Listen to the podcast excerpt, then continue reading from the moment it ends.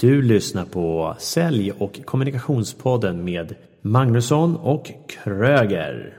Du ska lyssna på den här podden för att få inspiration, insikt, perspektiv, konkreta tips och en good feeling. Jag är Mikael Kröger, exekutiv coach, utbildare i ledarskap och kommunikation. Jag är även chef på ett bemanning och rekryteringsföretag i Stockholm. Jag är Daniel Magnusson, säljcoach som åker land och rike runt för att se till att säljare och säljchefer säljer och presterar mycket mer än vad de gör idag. Och tillsammans så har vi Sälj och kommunikationspodden. Nu kör vi! Nu kör vi!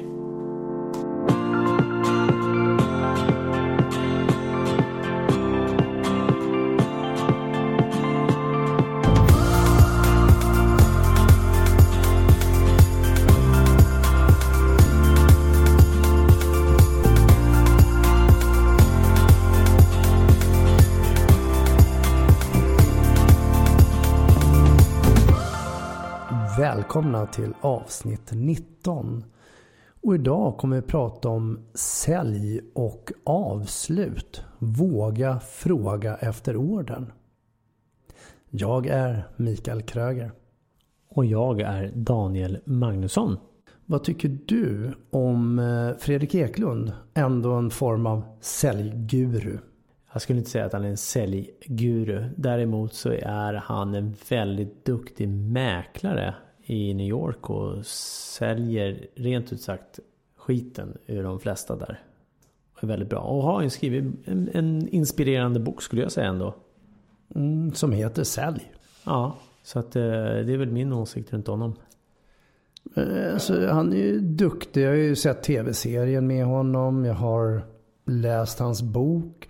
Jag blir inspirerad av eh, boken också. Just det här att du är ditt eget varumärke. Och så leverera utifrån det. Och någonstans varför jag, säljer, eh, eh, varför jag säger säljguru. Eh, det är ju för att han åker runt i världen och föreläser om det här med försäljning. Och har du tittat på honom på någon föreläsning? Nej, jag har sett han endast på TV. På Million Dollar Listing. Som är tok regisserat och eh, verkligen manus Förmodligen med stor säkerhet även de som är köpare. Men det är det vi gillar. Vi gillar att identifiera oss eller titta på de som har nått framgång och hur jag kan göra det och, bara se de här möjligheterna och det tycker jag är inspirerande oavsett om det är manusbundet och eh, tokregisserat som du säger. Så, så är det ändå en härlig bild att kunna följa och då, då blir jag om man inte är guru så kan det vara en förebild för många unga människor i alla fall. Absolut. Och det tror jag han kan vara med all rätt med, med tanke på det han har lyckats med. Och det han har gjort med både hur han har förändrat sin utgångspunkt där han var mot vad han är idag. Definitivt. Du har ju sett han själv mm. föreläsa. Mm. Jag var på en föreläsning som Fredrik Eklund skulle hålla och... Eh, skulle han hålla eller höll han? Nej, han höll den i och för sig. Och jag var extremt förväntansfull. Eh, jag, jag, såg verkligen fram emot hela det här eh, eventet och få se honom på scen med sina high kicks och komma in och leverera den här enorma energin. Så som jag upplever att han har både i boken och eh, även på den här eh, tv-serien.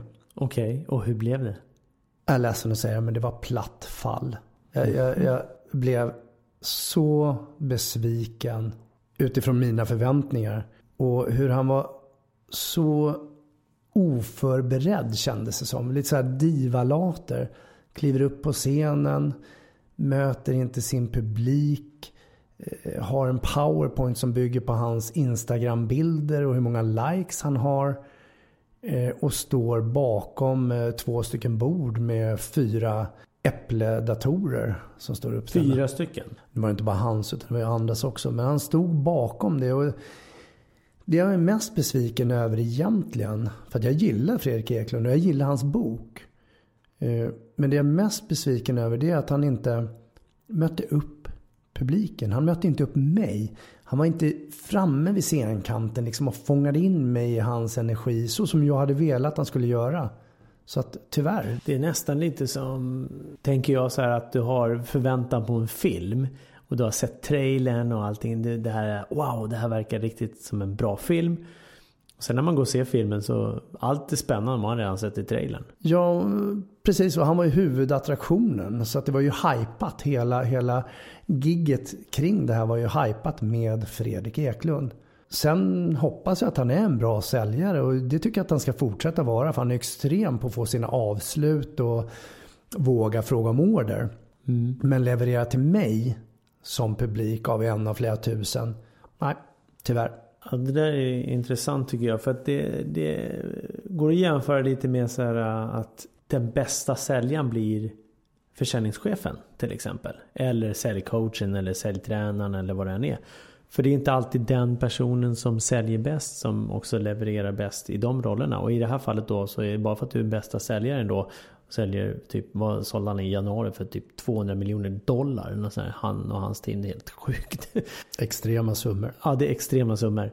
Och jag är glad för att han lyckas med de bitarna. Och han har gjort sig ett namn och även här i Stockholm ja. också med, med mäklerifirman. Det, han är fantastisk på det sättet. Och lyckas med det där. Och en sak som gör att han lyckas, gissar jag, förutom att han bygger upp varumärket runt sig, är ju då aktivitetsnivån och att våga fråga om order och våga vara sig själv och stå ut helt enkelt. Och vi har fått in en eh, lyssnarfråga där frågan var hur ska jag tänka rent aktivitetsmässigt med en ny kund och hur många gånger ska jag våga fråga om order? Alltså hur många gånger ska jag gå på avslut helt enkelt?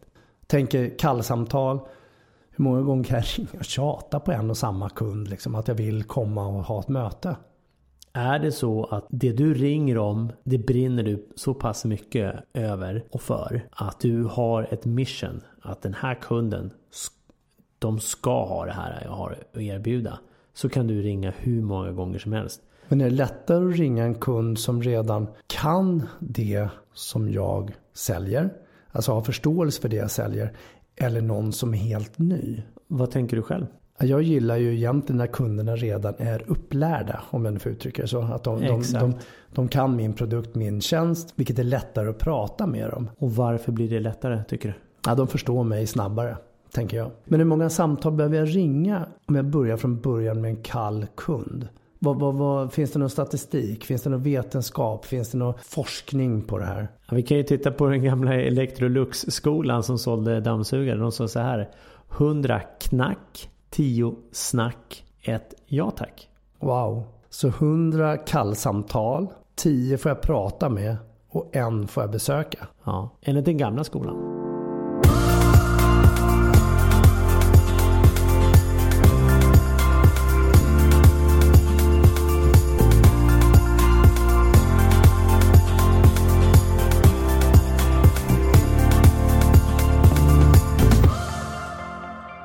Någon skillnad på nya skolan och gamla skolan? Tycker du? Ja, först och främst så handlar det väldigt mycket om... Det går att likna med varandra. Men om man tittar då på någon som går och springer och knackar dörr. Folk är inte hemma. Och likadant är det idag när du lyfter, eller lyfter luren och ringer. Så kommer ju inte alla svara i telefonen. Du till exempel när man ringer dig så har du inte vibration på. Då kommer inte du ens märka av att jag ringer. Och allt det här beror ju självklart på flera saker. Bland annat på vilka ringer du på? Hur mycket research har du gjort innan? Ringer du på rätt kunder? Vad säger du när du ringer? Jo, men det är ju en förutsättning på något sätt. Om jag får tag på tio personer som jag pratar med så inbillar jag mig att jag har tre till fyra besök bokade utifrån det. Och då finns det ju de som säger så här. Oh, wow, vad bra du är. Och, men jag vet ju inte så mycket annat. Utan det är klart, jag har en passion för det jag, jag, för det jag gör. Och då är det klart, då kanske jag förmedlar det på något sätt och därav får, får komma ut. Eller så har jag bara tur och träffar rätt. Kan vara en kombination. Jag tror snarare på det första. Att du har en passion, du brinner för det. Du inspirerar när du säljer in dig själv helt enkelt. Och jag menar, jag fick statistik från en som jag coachar idag. Han sa så här att ja, idag ringde jag 30 samtal. Jag fick prata med sju. Jag fick tre möten. Men nu är det väldigt bra. Alltså, av 7 till 3, det är ju så 40 procent i alla fall. Ja, det är en stor skillnad från 100 till 10 mm. till 1. Absolut. Och jag kan bli väldigt frustrerad själv känner jag när, när jag får sådana säljare som ringer upp till mig och på något sätt ska sälja någonting och de börjar med att fråga är det du som är ansvarig för ekonomi? Är det du som är ansvarig för... Alltså, jag känner att de inte är pålästa. Typ sådana här telemarketingbolag där de bara snabbmatas med samtal ut. Vilket jag tycker är trist. Ibland så lyssnar jag av de här äh, säljarna också för att jag tycker Ibland har de en bra pitch, ibland är de trevliga och då kan jag gärna lyssna av dem och ställa några kontrollfrågor. Det går alltid att lära sig från de som man blir uppringd av också.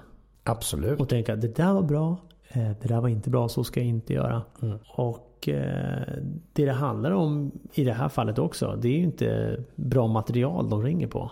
Alltså materialet i det här fallet är då listan som är framtaget eller kontaktpersonen som blir uppringd är inte rätt. Så de måste börja med frågor som att är det du som är ansvarig för bla bla bla. Men vad är det som hindrar den säljaren att göra sin research? Aktivitetsnivån. För de ska ha en sån hög aktivitetsnivå för att det är det som de mäts på. Och det är det som är så intressant. Att du mäts på siffror, aktivitetsnivå, tyvärr väldigt sällan äh, kvalitet. Mm. Så att, kvalitet, precis. Ja, och i vissa fall så kan man ju prata om så här, ja men har du inte kvantiteten så kan du inte börja med kvaliteten. Ja, den är intressant. Eller så kanske du kan börja med kvaliteten. För att sen få kvantitet åt andra hållet också. Och där säger du en väldigt intressant sak och då beror det självklart utifrån vad jag har för tjänst och vad mitt jobb är. Så, så mäts jag på olika nivåer. Antingen är det kvantitet, antal samtal ut, antal samtal in.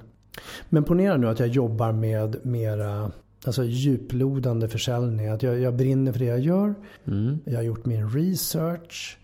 Eh, jag ringer mina tio kunder. Jag har avslut på tre, fyra. Och så kommer jag ut till kunden. Och så tänker alla de här invändningarna. Hur många gånger ska jag fråga efter orden när jag är där? Det sägs ju att minst fem frågor. Alltså du behöver fråga kunden om order. Eller du behöver fråga om möte fem gånger. Alltså det går ju inte liksom att tjata om samma sak med samma sorts fråga. Det handlar ju på något sätt om att utforska vad är det som gör att du säger nej innan du kan gå in i argumentationen igen. Men jag säger nej instinktivt. Ja. Alltså det är det första jag gör. När folk säger så här, oh, hej, ska du köpa? Nej. Exakt, och det är ju samma sak. Det är bara att titta på om du springer till ett köpcentrum. Du kanske har ett mobilabonnemang som håller på att gå ut. Du går förbi en teleoperatörs lilla butik och så det någon fantastisk säljare som bara står där och vill hugga folk och berätta om deras fantastiska erbjudande. Och så hoppar de framför dig och så säger de Hej, ursäkta. Eh, Redan där vid ursäkta så säger jag nej. Ja, exakt. Ja, det, det, är bra. Och så kan du få den här dumma frågan också. Eh, har, har, du en mobiltelefon? Ja. Nej, jag står och pratar in just nu. Ja. Ställer du dumma frågor så får du dumma svar. Ställer du bra frågor så får du bra svar. Men jag tänker också på det här med, med eh, invändningar. Alltså när, när, om, det nu säger, om det nu är som du säger då med du ska fråga efter order fem gånger. Då kommer du få nej fem gånger. Och då tänker jag... Ja, I alla fall fyra. För en ja, femte, fyra, en femte. Okay, femte ja. köper jag. Men det jag egentligen säger när jag säger nej, det är att jag fattar inte vad du säljer. Jag vill ha mer information, jag vill ha tydligare budskap, jag vill veta vad jag kan spara alternativt tjäna på det. Många gånger så handlar det om det, ja. Ja men varför säger inte säljaren det då? Ja därför de kanske inte har förstått ditt behov. De kanske inte har förklarat helt bra.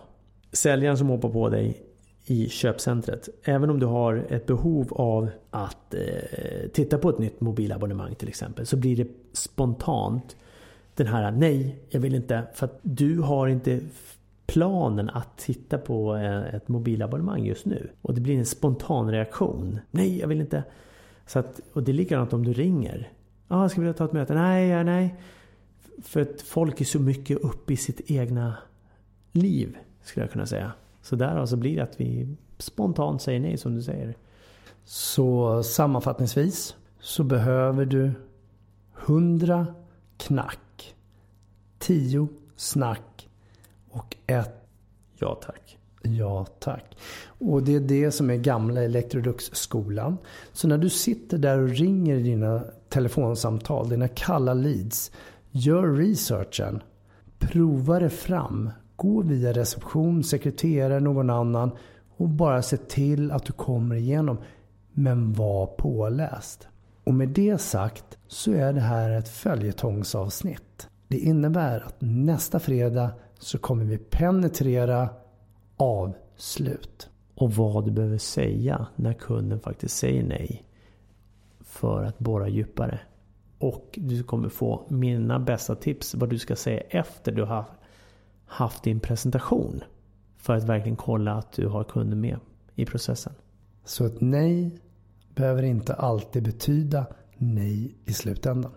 Framförallt inte i försäljning. I andra sammanhang, ja, då är ett nej ett nej. Exakt. Och var rädda om varandra, visa respekt och kärlek. Trevlig helg. Trevlig helg.